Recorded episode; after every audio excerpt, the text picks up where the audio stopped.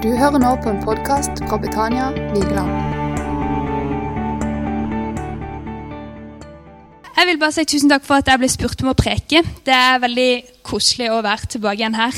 Eh, denne stedet her det har betydd så mye for meg.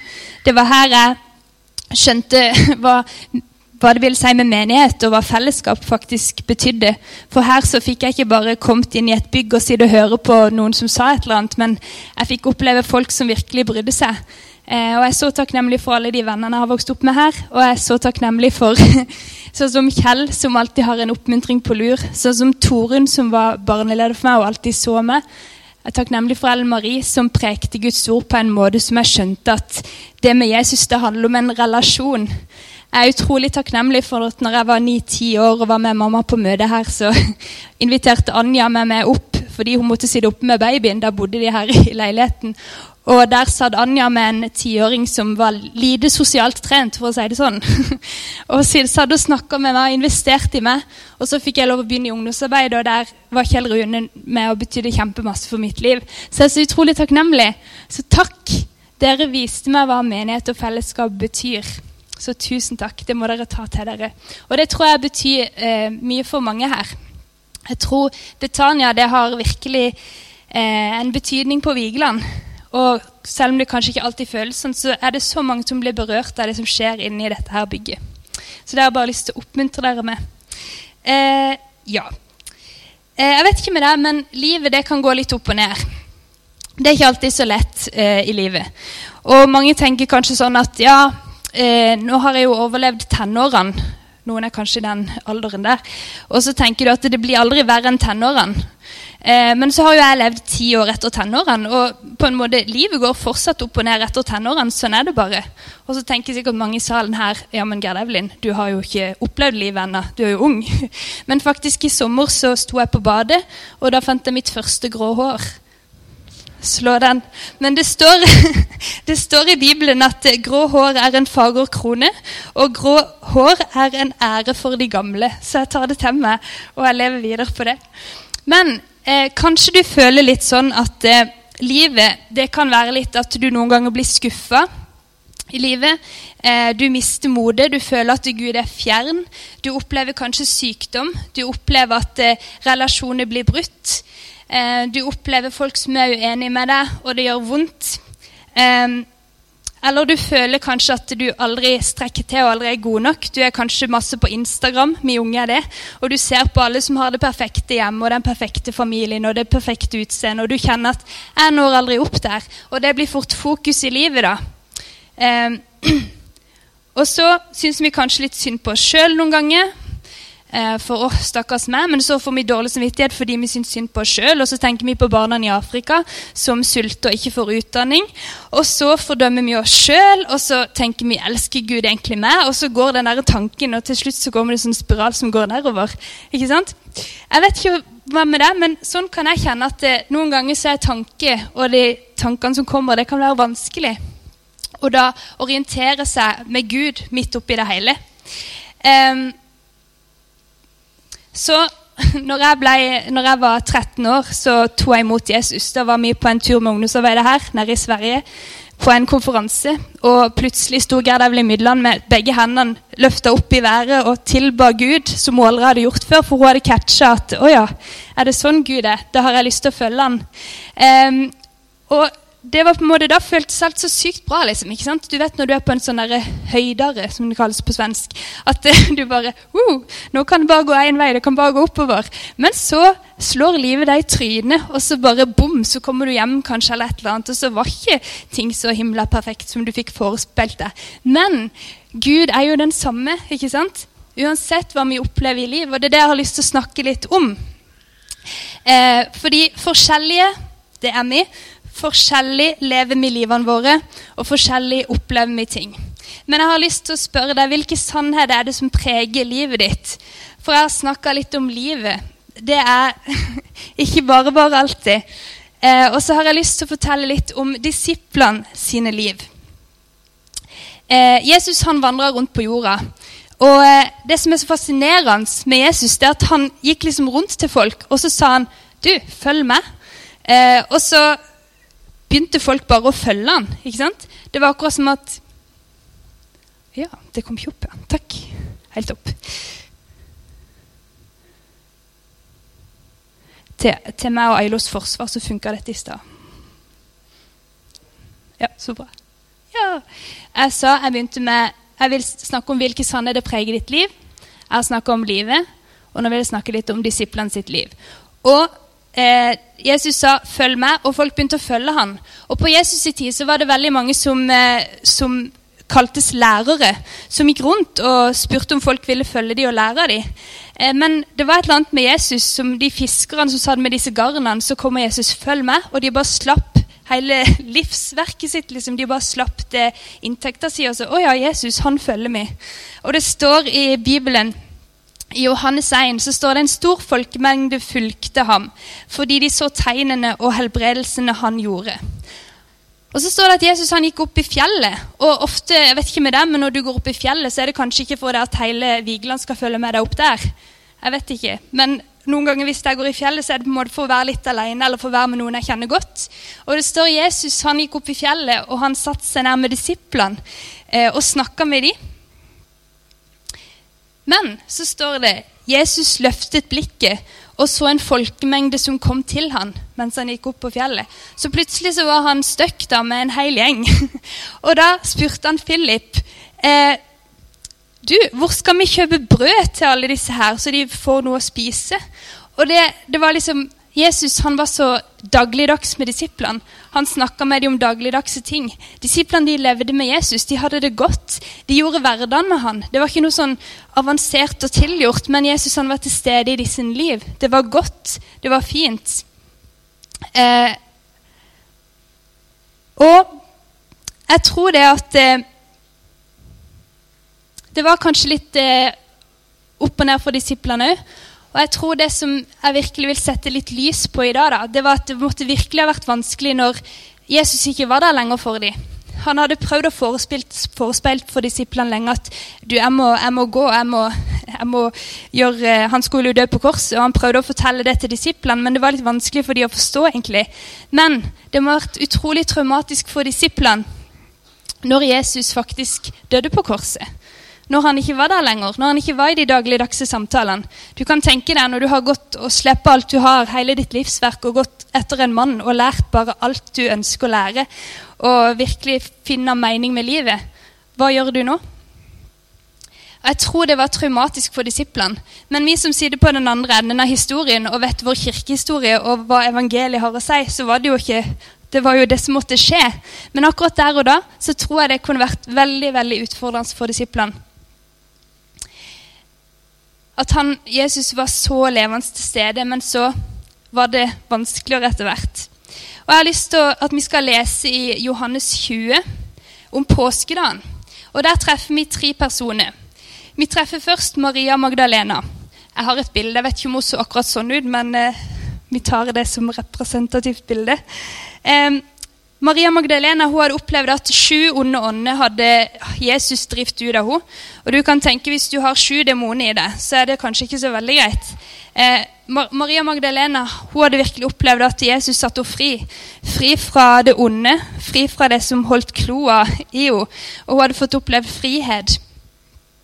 Og det står at eh, når Jesus eh, skulle bli korsfesta, så sto Maria Magdalena sammen med Jesus' i mor. Eh, og da, Det betyr jo at Maria Magdalena hun må ha vært ganske nær på Jesus. Det står ikke sånn kjempemange historier om Maria Magdalena, og det spekuleres mye av ja, hvem var egentlig hun, var hun prostituert, var hun ikke. Men det vi vet, er at eh, Jesus han hadde iallfall drevet ut sju onde ånder. Og det sto at eh, hun og noen kvinner de, eh, de, var med og ga til Jesus sitt virke. De var med, med det de eide, så ga de til Jesus. Så det var Maria Magdalena. Hun treffer vi i Johannes 20. Vi skal lese om henne etterpå. Eh, og så var det Peter. Peter han disiplen vi kjenner som eh, frimodig og frampå. Han snakka ofte før han tenkte, og han, han var veldig ivrig disippel. Det er mange historier om Peter, men han treffer vi òg i eh, Johannes 20, som vi skal lese etterpå. Og I Johannes 13 så kan vi lese om Peter som spør Jesus, 'Herre, hvor går du hen?' Og Jesus svarer, dit jeg går, kan ikke du følge meg nå. Peter sier, jeg vil gi livet mitt for deg. Da svarer Jesus, før hanen galer, skal du fornekte meg tre ganger. Og det var nettopp dette som skjedde. Peter han bare, gir livet mitt for deg, Jesus. Og Jesus sier, du, du kommer til å fornekte meg tre ganger. Og Peter han var så ivrig, han var så, han var så glad i Jesus. Han ønska virkelig å bare gi alt til Jesus. Men noen ganger gikk det kanskje litt fort i svingene. Peter leser mye om etterpå.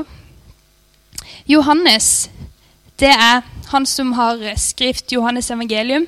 Eh, han eh, er jo disippelen som Jesus elsket. Når han skriver om seg selv i Johannes evangelium, så skriver han om disippelen som Jesus hadde kjær. Han skriver liksom ikke sitt eget navn eller jeg. Han skriver disippelen som Jesus hadde kjær. Han skriver eh, disippelen som Jesus elsket. Og Johannes han er liksom litt sånn derre Han virker som en grei kar, gjør han ikke det? Jeg syns det. Eh, men eh, uansett, tre forskjellige disipler, tre forskjellige liv. Så leser vi fra påskedagen i Johannes 20 og vers 1-18 skal det stå. Det står litt feil her. Men dere kan være med og lese.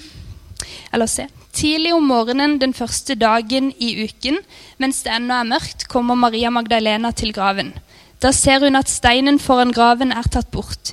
Hun løper av sted og kommer til Simon Peter og den andre disippelen, han som Jesus hadde kjær. Og hun sier, 'De har tatt Herren bort fra graven, og vi vet ikke hvor de har lagt ham.' Da dro Peter og den andre disippelen ut og kom til graven. De løp, men den andre disippelen løp fortere enn Peter og kom først frem. Det var jo Johannes som skriver om seg sjøl. Han løp fortere enn Peter. Han bøyde seg frem og så linklærne ligge der, men gikk ikke inn i graven. Så Johannes han stoppa litt opp, kikka litt. Og så Simon Peter kom nå etter, og han gikk inn. Han så linklærne som lå der, og tørkleet som Jesus hadde hatt over hodet. Det lå ikke sammen med linklærne, men sammenrullet på et sted for seg selv. Da gikk den andre disippelen også inn, han som var kommet først til graven. Viktig å bemerke første graven. Han så og trodde. Fram til da hadde de ikke forstått det Skriften sier, at han måtte stå opp fra de døde. Disiplene gikk så hjem. Så det var Peter og det var Johannes. Det må ha vært eh, rart for de å være på vei til grava de møter Maria Magdalena. Han, han, er ikke der, Jesus er ikke der. Og tenk hvordan de hadde først følt seg forlatt og var helt sånn Hva skjer? Var helt i villrede for hva egentlig som hadde skjedd. Og så kommer de og forstår at de hadde ikke ennå skjønt hva Jesus skulle gjøre, men der forsto de det på en måte. Å ja, hva har skjedd? Han, han er ikke lenger i grava.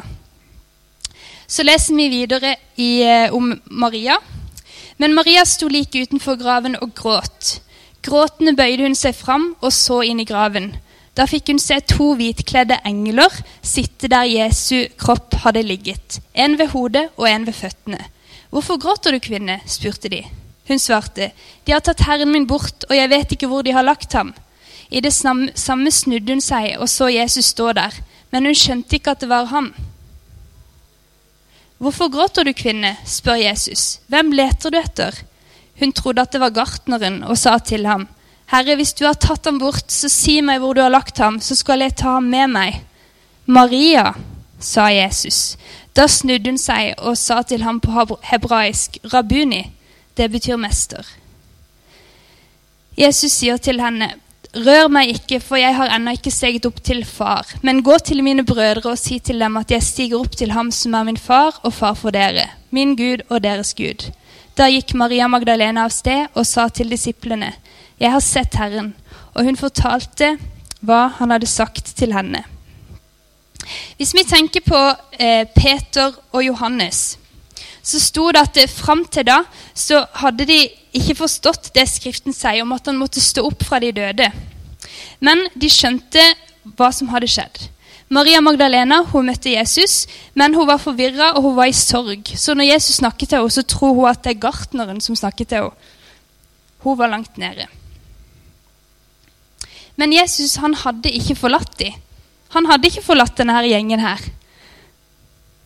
Um, han hadde sagt til dem at eh, 'jeg forlater dere ikke, men jeg skal sende noen andre'. Det står i Johannes 16, 7-15.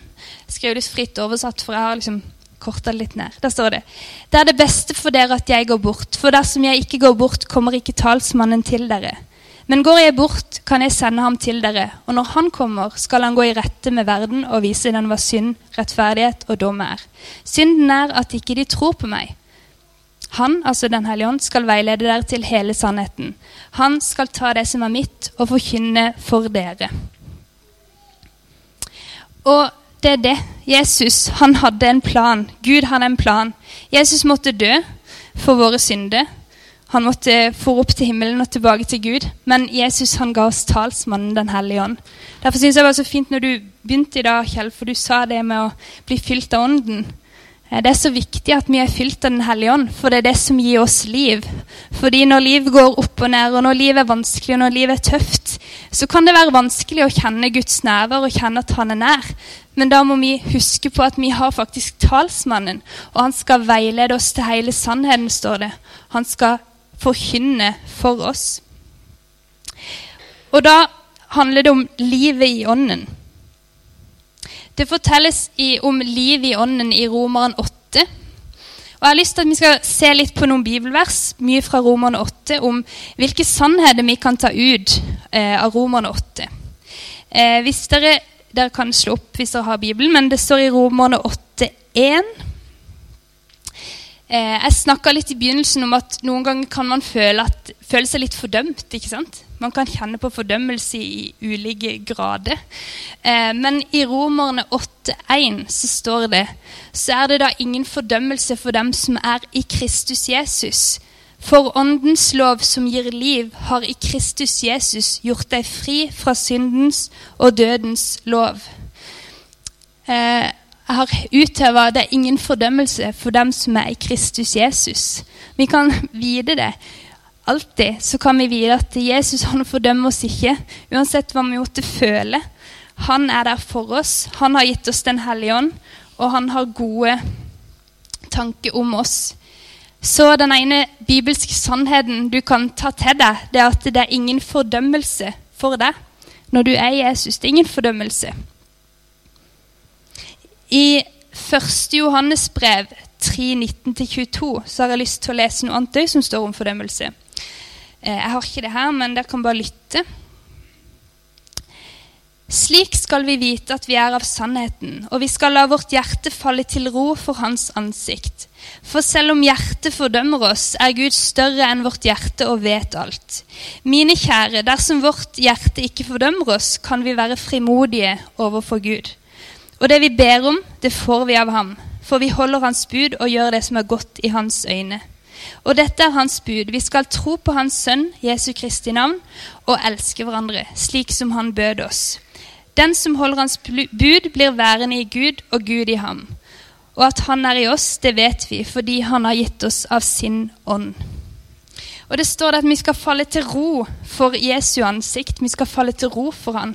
Og det er klart, hvis du løper rundt, og hvis du kjenner at livet er vanskelig, og du aldri får satt deg ned og roa deg ned og søkt Gud, så er det vanskelig å kjenne at det, eh, Gud faktisk er der. Men det står at vi kan få lov til å falle til ro for hans ansikt. For der er det ikke noe fordømmelse. Der kan vi være frimodige. Der kan vi be. Der kan vi tro på Jesus. Så Fall til ro for han.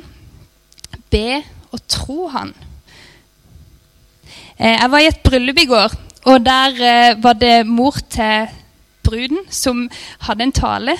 Det er rørende i bryllup.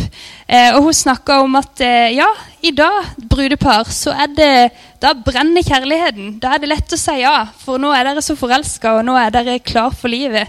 Og så sa hun at et ekteskap, det går opp og ned.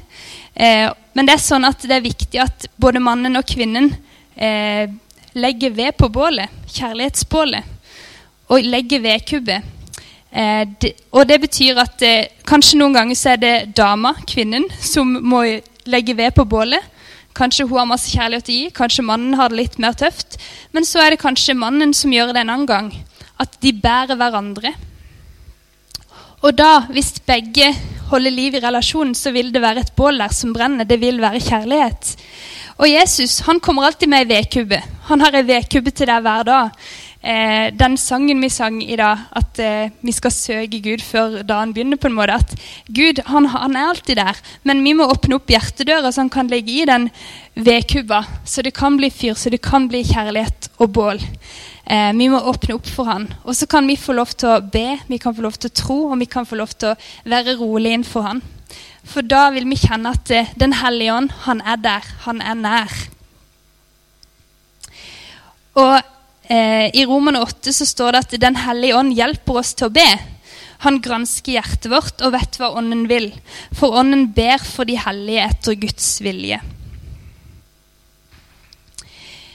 I Romerne 8,3 så står det Det som var umulig for loven, siden den sto maktesløs fordi vi er av kjøtt og blod, det gjorde Gud. Han sendte sin egen sønn som syndoffer, i samme slags kjøtt og blod som syndige mennesker har, og holdt dom over synden i oss. Han holdt dom over synden i oss. Jesus han tok den straffa vi skulle ha for det vi gjør galt. Det tok han på seg. Vi er på vei til himmelen hvis vi har Jesus, fordi han har rensa oss fra all synd, all urettferdighet. Vi kan tro på det. Så den andre sannheten du kan tro på for ditt liv, den bibelske sannheten, det er at eh, du er fri fra synd. Vi leste i Johannes 16, 7-15 at synd det er å ikke tro på Jesus. Men Jesu bud er å tro på Han og elske hverandre. Og mange ganger så kan man tenke sånn at eh, tro og tvil det er fullstendig motsetninger. At hvis du tviler litt Oi, har jeg slutta å tro? Men det er egentlig ikke sånn det er. Det motsatte av tro, det er frykt. At du er redd.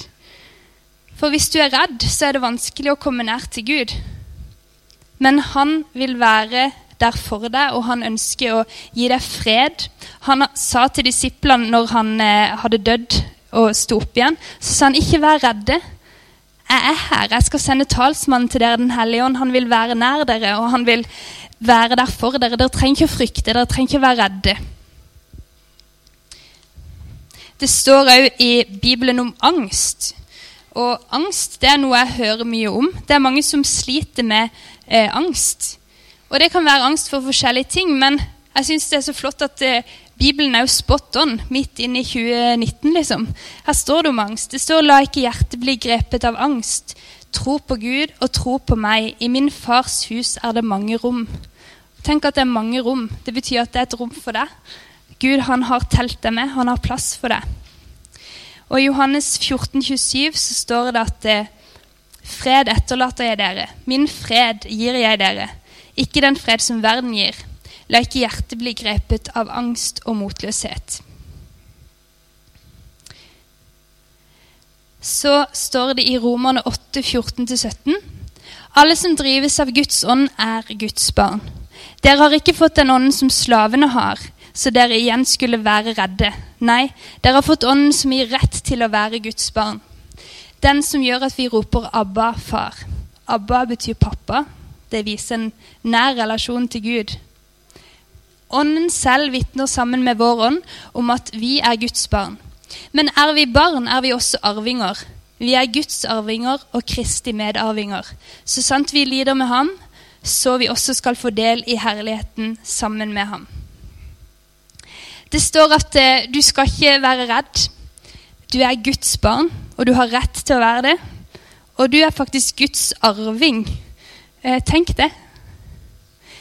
Eh, jeg underviser jo eh, våre nye landsmenn i både språk og norsk kultur og samfunn. Eh, og da snakker vi mye om det å ha rettighet til ting. For det norske samfunnet er full av rettigheter. Du har rettighet til barnehage, grunnskole, videregående, utdanning. Og så har du rett til all mulig foreldreting når du får barn. Altså Det er så mye for dem å lære om rettigheter. Men flott system vi har i Norge. Men tenk det at Gud han over alt dette her systemet vi klarer å lage på jorda, så har han gitt oss en så stor rettighet. Og det er liksom at vi får være Guds barn. Det er en rett vi har. Det er ingen som kan si at det, det kan ikke du få, det kan ikke du ha. Men det har du en rett til. Det kan du være frimodig Takk, Jesus. Um, og du er Guds arving. Det står i Filipperne 2021 at uh, vi har vår borgerrett i himmelen. Og derfra venter vi Frelseren Herren Jesus Kristus. Han skal forvandle vår skrøpelige kropp og gjøre den lik den kroppen han selv har i herligheten. Tenk det, vi skal få en ny kropp. Det er flott. Ikke alle som går på treningssenter, vel, er det? Så jeg vil bare oppsummere Bibelens sannhet. Det er ingen fordømmelse for deg. Du er fri fra synd. Du trenger ikke å være redd. Du er Guds barn, og du er Guds arving. Og det, å, det er på en måte lett for meg å stå og slenge ut disse her tingene som jeg finner i Bibelen, men jeg, jeg har bare, dette har jeg tatt til meg når jeg har forberedt denne denne talen. Dette er ting jeg har trengt over mitt liv. Og jeg hadde bare så lyst til å dele det med dere. At eh, når dere kommer hjem, ta det med dere, ta det til dere. Fall til ro innenfor hans sitt ansikt. Og la talsmannen Den hellige ånd bare være nær deg og skape disse tingene i hjertet ditt. For det er der vi finner liv. Og så kan livet gå opp og ned som du bare vil, men hvis vi har Jesus, og hvis vi har det på plass, så er det noe som virkelig er på rett plass i våre liv.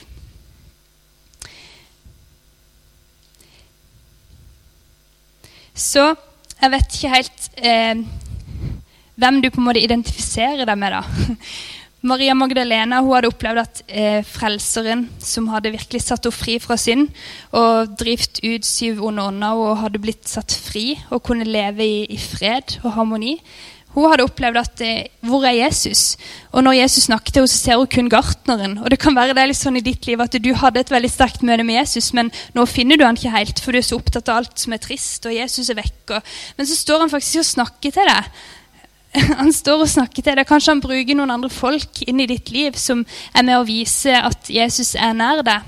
Så Ta og Leit etter Jesus i livet ditt, for jeg er sikker på at han, han søker deg. Han ønsker å legge vedkubbe på hjertebålet ditt, for å si veldig billedlig.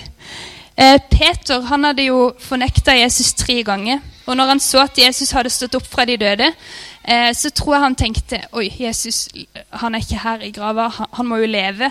Og det siste jeg gjorde, var å fornekte han tre ganger. Men det som er så fint, da, det er at eh, Jesus treffer Peter etter han har vært med grava. Og eh, Jesus spør han, 'Peter, elsker du meg?' Og han sier, Peter sier, 'Ja, Herre, du vet jeg har deg kjær'. Jesus spør igjen, 'Elsker du meg, Peter?' 'Du vet jeg har deg kjær, Jesus'. Og så spør Jesus tredje gang, 'Peter, elsker du meg?' Så svarer Peter, 'Du vet alt'. ja. Eh, og med det så får Peter en ny sjanse til å virkelig vise sin overgivelse til Gud og få angre og gjøre opp med det som kanskje hadde blitt vondt mellom han og, han og Jesus sin relasjon. Og vi har alltid mulighet til det. Å gjøre opp og snakke ut med Jesus. Eller kanskje du har det som Johannes, at eh, du bare liksom Jeg vet at eh, Jesus elsker meg. Null stress. Jeg vet at jeg er den uh, disippelen som uh, Jesus har kjær. Vi er forskjellige, men kanskje du opplever at folk rundt deg sliter og har det vanskelig. Og da kan det kanskje òg være litt vanskelig å være disippelen Johannes noen ganger.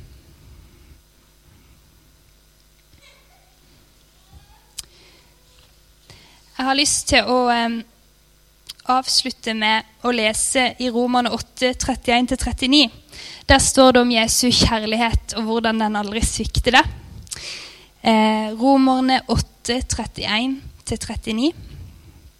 Der står det Hva skal vi så si til dette? Er Gud for oss? Hvem er da mot oss? Han som ikke sparte sin egen sønn, men gav ham for alle. Kan han gjøre noe annet enn å gi oss alt sammen med ham? Hvem kan anklage dem Gud har utvalgt? Gud er den som frikjenner. Hvem kan da fordømme? Kristus er den som døde, ja, mer enn det han sto opp og sitter ved Guds høyre hånd, og han ber for oss. Han ber for deg. Hvem kan skille oss fra Kristi kjærlighet? Nød, angst, forfølgelse, sult, nakenhet, fare eller sverd? Som det står skrevet, for din skyld drepes vi dagen lang, vi regnes som slaktesauer.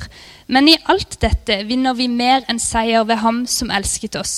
For jeg er viss på at verken død eller liv, verken engler eller krefter, verken det som nå er eller det som kommer, eller noen makt, verken det som er i det høye eller i det dype, eller noen annen skapning skal kunne skille oss fra Guds kjærlighet i Jesus Kristus, vår Herre. Skal vi be? Jesus, takk for at eh, du minner oss på den kjærligheten du har for oss, Gud. Og takk, eh, Jesus, for at du har sendt Den hellige ånd i våre liv til å veilede oss til sannheten og til å minne oss på din kjærlighet og din nåde, og at vi er fri fra synd, Gud. Mm, takk at vi kan få lov til å komme fram for deg, Herre, uansett hvordan vi føler det, Gud. Og uansett hva vi har gjort og ikke, så kan vi få lov til å falle til ro for deg og være frimodige og bare be og si 'Jesus, kom', og bare Ja, bare kom og vær nær meg, Jesus. Jeg bare ber for alle de som sitter her i dag. Gud, du kjenner de, Gud. Du kjenner hva de går igjennom. Det gjør ikke jeg, men du kjenner hjertene, Jesus.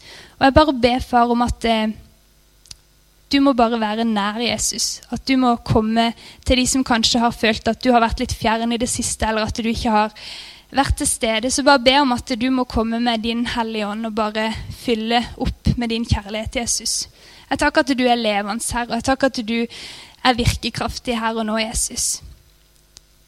La oss få oppleve mer av deg, Gud. La oss ikke stoppe opp, Herre, men la oss alltid eh, gå videre med deg, Jesus, og oppleve nye ting og lære nye ting om hvem du er, Jesus. Takk, Herre. Amen. Ja.